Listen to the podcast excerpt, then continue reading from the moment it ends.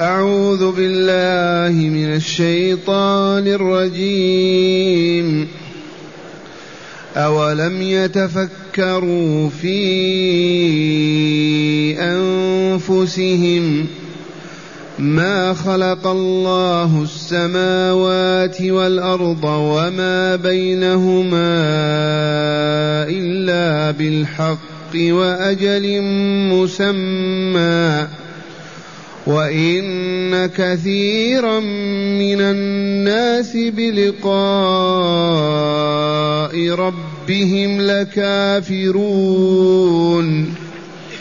أولم يسيروا في الأرض فينظروا كيف كان عاقبة الذين من قبلهم ۖ كانوا أشد منهم قوة وأثاروا الأرض وعمروها وعمروها أكثر مما عمروها وجاءتهم رسلهم بالبينات.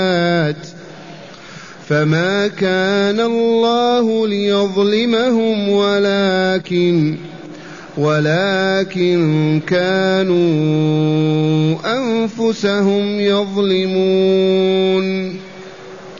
ثم كان عاقبة الذين اساء ثم كان عاقبة الذين أساءوا.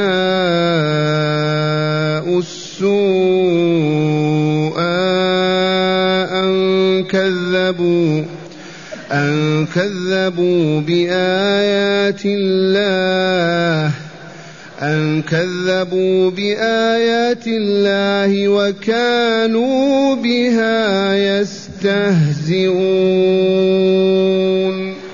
معاشر المستمعين والمستمعات من المؤمنين والمؤمنات ما زال السياق الكريم في دعوة المنكرين للبعث الآخر دعوتهم إلى الإيمان به من طريق ذكر الأدلة العقلية التي تحملها الآيات القرآنية.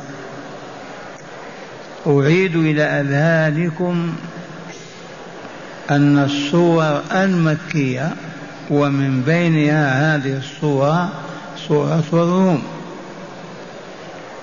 مهمتها التي أسندت إليها هي أن تحقق عقيدة سليمة للعبد. يصبح بها حيا قادرا على أن يفعل ويترك ويسمع ويجيب. إذ العقيدة السليمة الصحيحة كعقيدة رسول الله صلى الله عليه وسلم وأصحابه وأولادهم وأحفادهم وأئمة الإسلام هذه العقيدة الصحيحة بمنزلة الروح.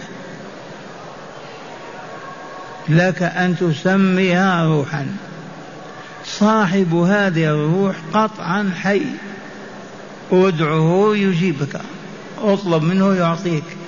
انهه يترك. وذلك لكمال حياته. فاقدها كما فقدها الآن. اليهود والنصارى والمشركون البوذا فهم أموات غير أحياء وما يشعرون. لا نستطيع أن نأمرهم بصلاة ولا صيام لا برباط ولا بجهاد أبدا لأنهم أموات. ثم إذا ضعفت هذه العقيدة كما هي في ملايين المسلمين يصبح أهلها كالمرضى. المريض يقدر على فعل شيء ويعجز عن آخر. يقدر على أن يقول كلمة حق ويعجز عن أخرى. في مرضه. فالواجب هو أن نصحح عقيدة المؤمنين ليسموا بها ويسعدوا وأن ندعو البشرية كلها إلى العقيدة الربانية الإسلامية الصحيحة من أجل أن تحيا فإذا حيت قامت وقعدت وأجابت وفعلت. وأعظم أركان العقيدة إثبات الألوهية لله عز وجل بأن لا يعبد إلا الله. وهذا ما يؤديه معنى لا إله إلا الله. لا يوجد في الأكوان العلوية والسفلية من يستحق أن يؤله أن يعبد إلا الله. والله لا إله إلا الله. ثانيا إثبات النبوة المحمدية وتقريرها إذ الذي يؤمن بالله ولا يؤمن برسول الله والله ما يستطيع أن يعبد الله ولا يعرف محاب الله ولا مكاره الله. ولا ينتفع بإيمانه. إذ لا بد من الإيمان بالرسالة المحمدية ومن ثم نستطيع أن نطيع الله ورسوله بما يبين لنا رسوله. لو يترك الأمر لنا فقط ما نعرف ما يحب الله ولا ما يكره. وإذا عرفنا ما يحب ما نعرف كيف نؤديه لا بد من رسول الله صلى الله عليه وسلم. ولهذا لا يدخل امرؤ في الإسلام ويقال أسلم إلا إذا قال أشهد أن لا إله إلا الله وأن محمدا رسول الله. إذا لم يشهد هذه الشهادة لا يقال فيه أسلم ولا دخل في الإسلام. فلو قال أنا أشهد أن لا إله إلا الله ولا يوجد الله مع الله ولكن ما أشهد أن محمدا رسول الله فهو كافر كافر كافر. ما آمن ولا أسلم. وشيء آخر هل يستطيع أن يعبد الله بفعل محابه وترك مكاره بدون أن يتعلم ذلك من طريق رسول الله صلى الله عليه وسلم؟ ما يستطيع أبدا. فلا بد من شهادة أن محمدا رسول الله صلى الله عليه وسلم. ثالثا عقيدة البعث الآخر عقيدة الإيمان بالدار الآخرة عقيدة الإيمان بالجزاء على الكسب والعمل في هذه الدنيا الجزاء عليه هذا العمل في الدار الآخرة. وكثيرا ما أكرر فأقول ما سر هذه الحياة؟ اسألوا العلماء والفلاسفة و ما علة هذه الحياة. والله لا وجود للجواب إلا كلمة من أجل أن يذكر الله ويذكر.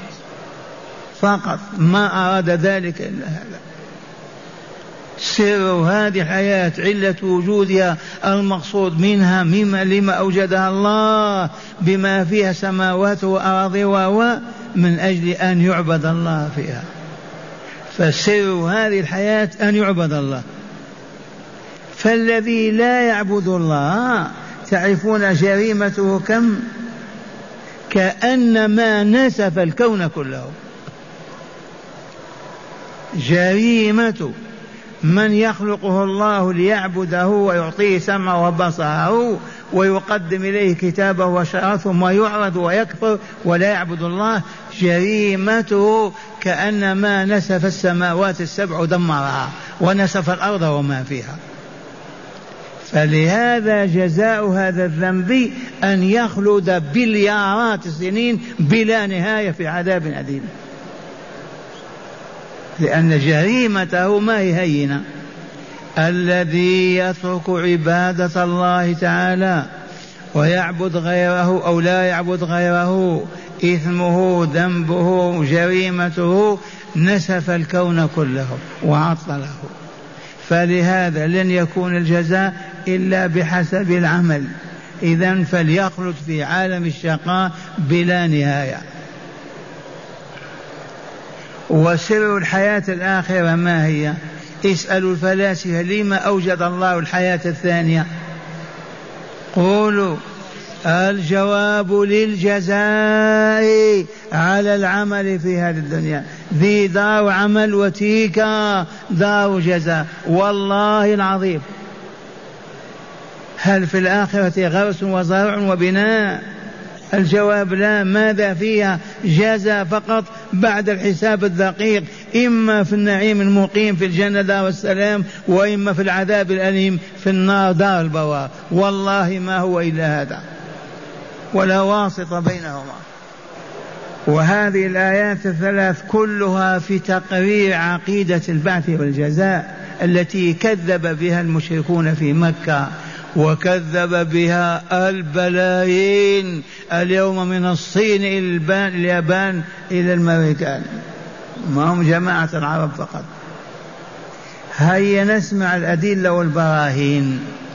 قال تعالى أولم يتفكروا في أنفسهم؟ ما يغمض أحدهم عينيه وفكر لما خلقت هذه السماوات؟ هذه الشموس والأقمار هذه الكواكب هذه الأمطار. لما خلقت هذه الأرض لما خلق الله هذه الحيوانات هذه المخلوقات هذه الجبال هذه الأنهار هذه البحار لما؟ فكر لما؟ لما ما يفكر؟ لو فكر في صدق قال ما خلقها الله إلا لحكمة. ما خلقها لهوا ولا عبثا. خلقها من أجل أن يعبد فيها ويجزي العابدين في الدار الثانية بعد نهاية الأولى. أولم يتفكروا في أنفسهم ما خلق الله السماوات والأرض وما بينهما إلا بالحق ما هو بالعبث؟ فيه من يبني دار يصغر ويهدمه في من يخيط ثوب ثم يمزقه في من يطعم طعام يعده ثم يرميه في المزبلة أيعقل هذا؟ فكيف إذا يعقل أن يخلق هذه العوالم لا لشيء؟ عبث فقط ولهو. أعوذ بالله. لما ما يتفكرون؟ ولطيف ذكر أهل العلم. قال صاحبها العلة أنهم لا يفكرون أي لا يعمل لا يعملون خواطرهم في النظر والتأمل. هذا هو سر عدم إيمانهم. إذ لو إذ لو إذ لو إذ لو نسب المفكرون إلى غيرهم إذ لو نسب المفكرون إلى غيرهم لما كانت النسبة لو نسب عدد المفكرين إلى عدد المفكرين كانت النسبة من واحد إلى مليون. واسمعوها. قال العلة في عدم التفكير ما هي؟ أن في عدم الإيمان باليوم القيامة. العلة أنهم لا يفكرون أي لا يعمل يعملون خواطرهم في النظر والتأمل. هذا هو سر عدم إيمانهم.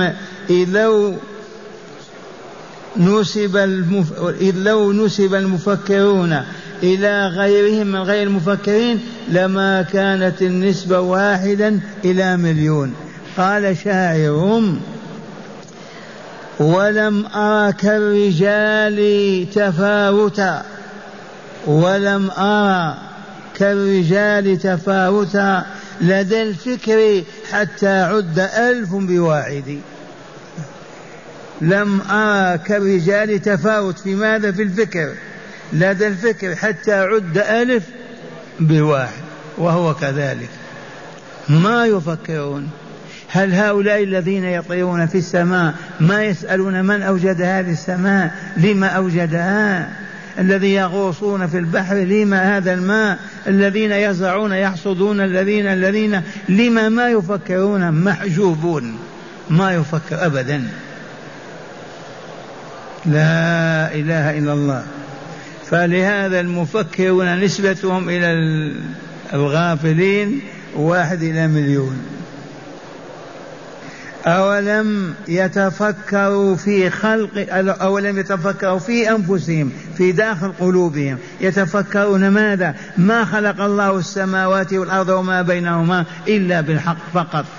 أي من أجل أن يذكر ويشكر من أجل أن يعبد من أجل أن يجزي العاملين عابدين في الدار الآخرة بالنعيم المقيم وجواره الكريم. وقوله وأجل مسمى ما خلق هذا الكون إلا بالحق لا بالباطل ومن أجل وقت محدد. سيأتي يوم لا شمس ولا قمر ولا سماء ولا أرض ولا إنسان ولا جن. الفناء الكامل والانتقال إلى الحياة الخالدة الباقية. وأجل مسمى وقت محدد تقوم فيه القيامة وتنتهي هذه الحياة بكاملها. وإن كثيرا من الناس بلقاء ربهم لكافرون. إي والله هذا الخبر من أخبر به؟ الله جل جلاله وعظم سلطانه. واسمع يا أبا جهل ويعقوب بن معيط ويا أهل مكة. اسمعوا ما يقول تعالى. وإن كثيرا من الناس بلقاء ربهم. ما يريدون أن يلقوه فكذبوا.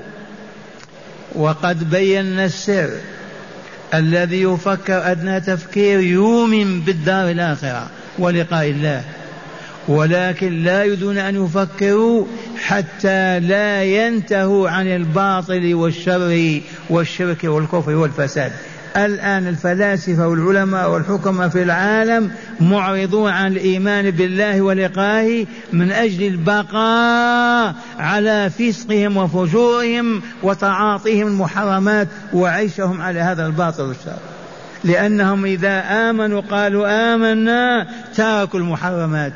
استقاموا وقفوا موقف المؤمنين.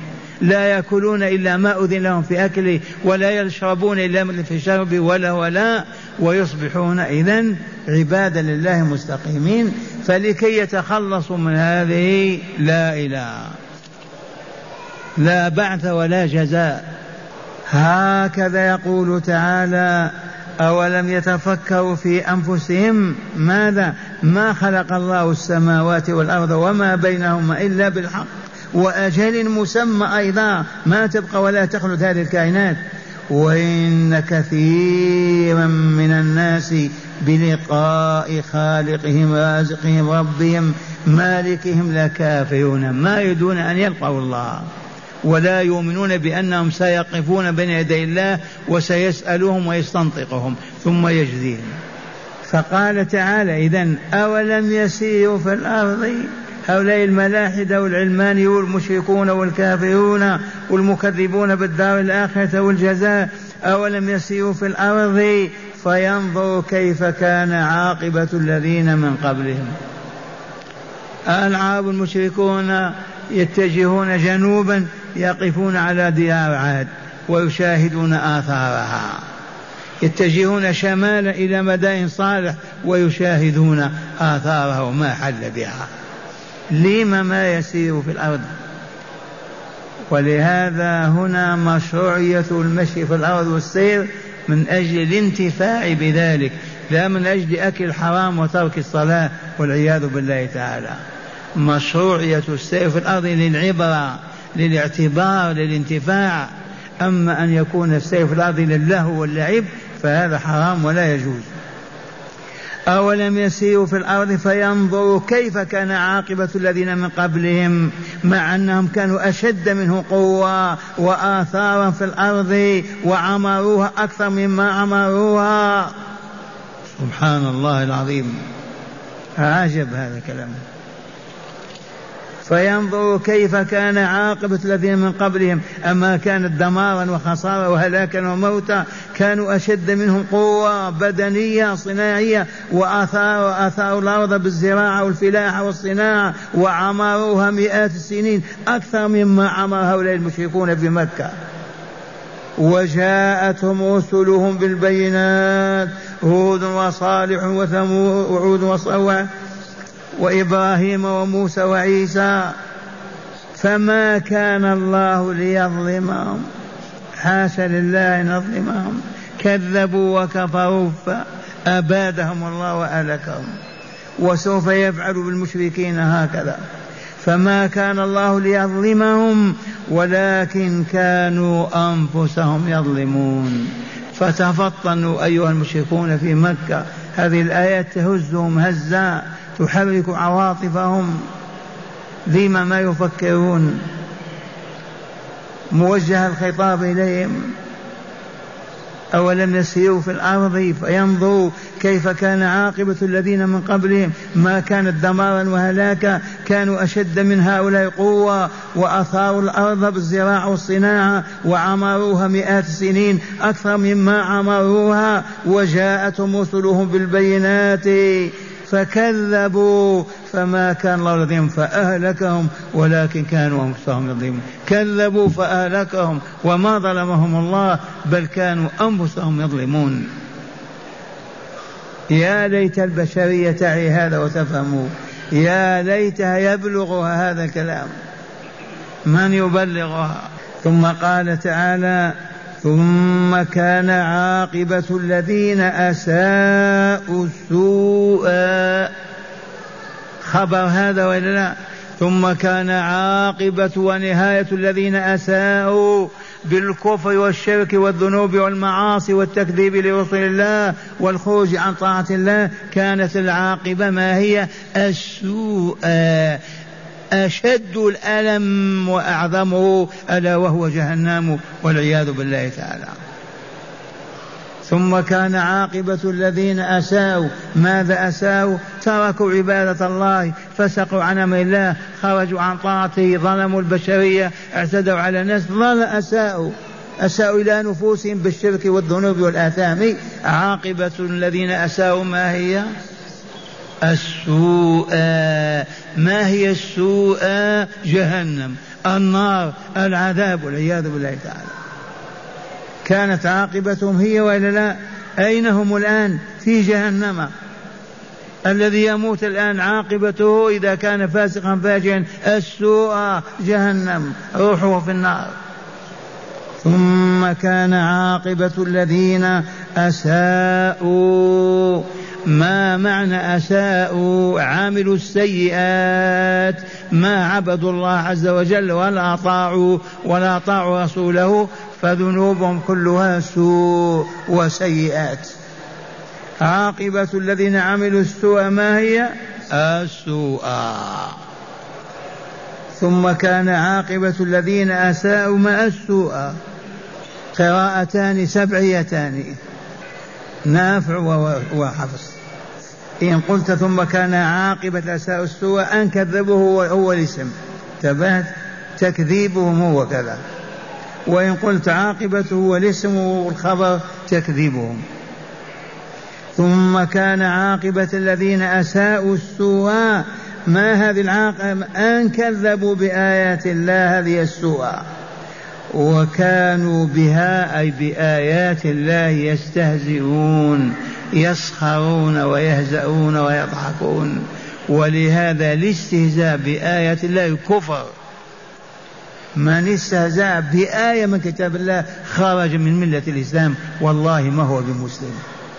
من استهزأ برسول الله أو رسل الله فقد خرج من الإسلام وهو كافر والعياذ بالله تعالى. نبرأ إلى ذلك إلى نبرأ إلى الله من ذلك مع هداية الآيات. بسم الله والحمد لله. من هداية هذه الآيات أولا تقرير عقيدة البعث والجزاء بذكر الأدلة العقلية المثبتة لها. تقرير عقيدة البعث والجزاء الإيمان بالدار الآخرة بالأدلة العقلية التي سمعتموها. أولم يسيروا أو لم ينظروا عقليات هذه وإلا لا؟ تقرير عقيدة البعث والجزاء في هذه الآيات بالأدلة العقلية التي يرشد إليها العقل. نعم. ثانيا كفر أكثر الناس بالبعث مع كثرة الأدلة وقوتها. حقيقة مسلمة والله لا ينكرها ذو عقل أبدا. وهي أكثر الناس كافرون بالبعث الآخر. دائما وأبدا. هل عرفتم سر ذلك؟ نسيتم.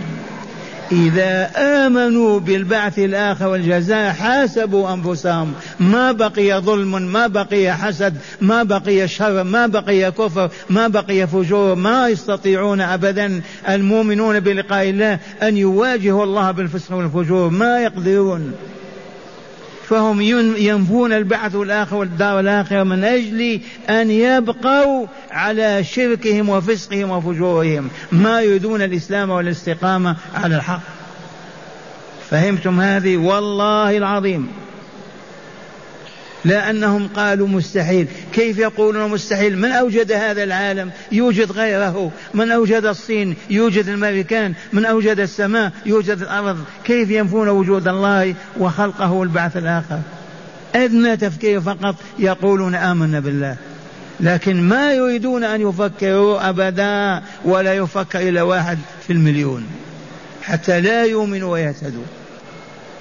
ثالثا مشروعية السير في الأرض للاعتبار مع اشتراط عدم حصول إثم في ذلك بترك واجب أو بفعل محرم. دلت الآية على مشروعية السير في الأرض للاعتبار والعظة. هيا نمشي إلى عدن لنشاهد ديار عاد. هيا نمشي إلى ثمود لنشاهد ديار صالح. إذا كان بقصد العبرة والبكاء نعم. العبرة عظيمة. منازل أصابها خراب مثلا ودمار نمر بها للعظة والعبرة وهكذا. أما من أجل اللهو والباطل لا يصح السفر في هذه الصورة. رابعا بيان جزاء الله العادل في أن عاقبة الإساءة السوء بيان جزاء عدل الله بين عباده في معاقبة أهل السوء وجزاهم بالسوء. نعوذ بالله من السوء ومن السيئات. خامسا كفر الاستهزاء بالشرع وأحكامه والقرآن وآياته. هكذا كما تقرر من يستهزئ بآيات الله بآية واحدة فقد كفر.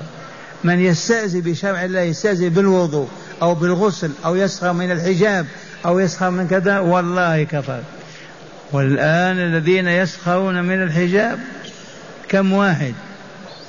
ملايين المسلمين يكفرون. أيشرع الله شرعا ويبينه وينزل به كتابه ويبين رسوله ثم أنت تسخر منه وتستهزي وتقول إيش هذا؟ والله لكافر.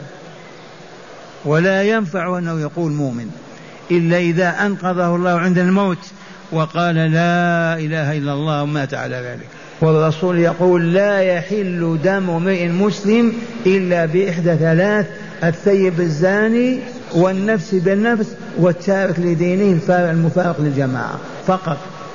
وإخواننا الآن يقتلون ويقتالون بالآلاف بدعوى الجهاد والانتصار وتكوين الدولة الإسلامية. جواز التذكير بالإحسان لمن أنكره ولكن لا على سبيل الامتنان فإنه محبط للعمل. ثالثا جواز إطلاق لفظ الضلال على الجهل كما قال جواز تعالى. جواز إطلاق لفظ الضلال على الجهل كما قدمنا. ضال بمعنى جاهل. ألم يجدك ضالا فهذا أي جاهل. لا الضلال بمعنى الكفر والبعد عن الحق. كما قال موسى وأنا من الضالين أي الجاهلين أين. قبل أن يعلمني ربي. أين. رابعا وأخيرا مشروعية الفرار من الخوف إذا لم يكن في البلد قضاء عادل وإلا لما جاز الهرب من وجه العدالة.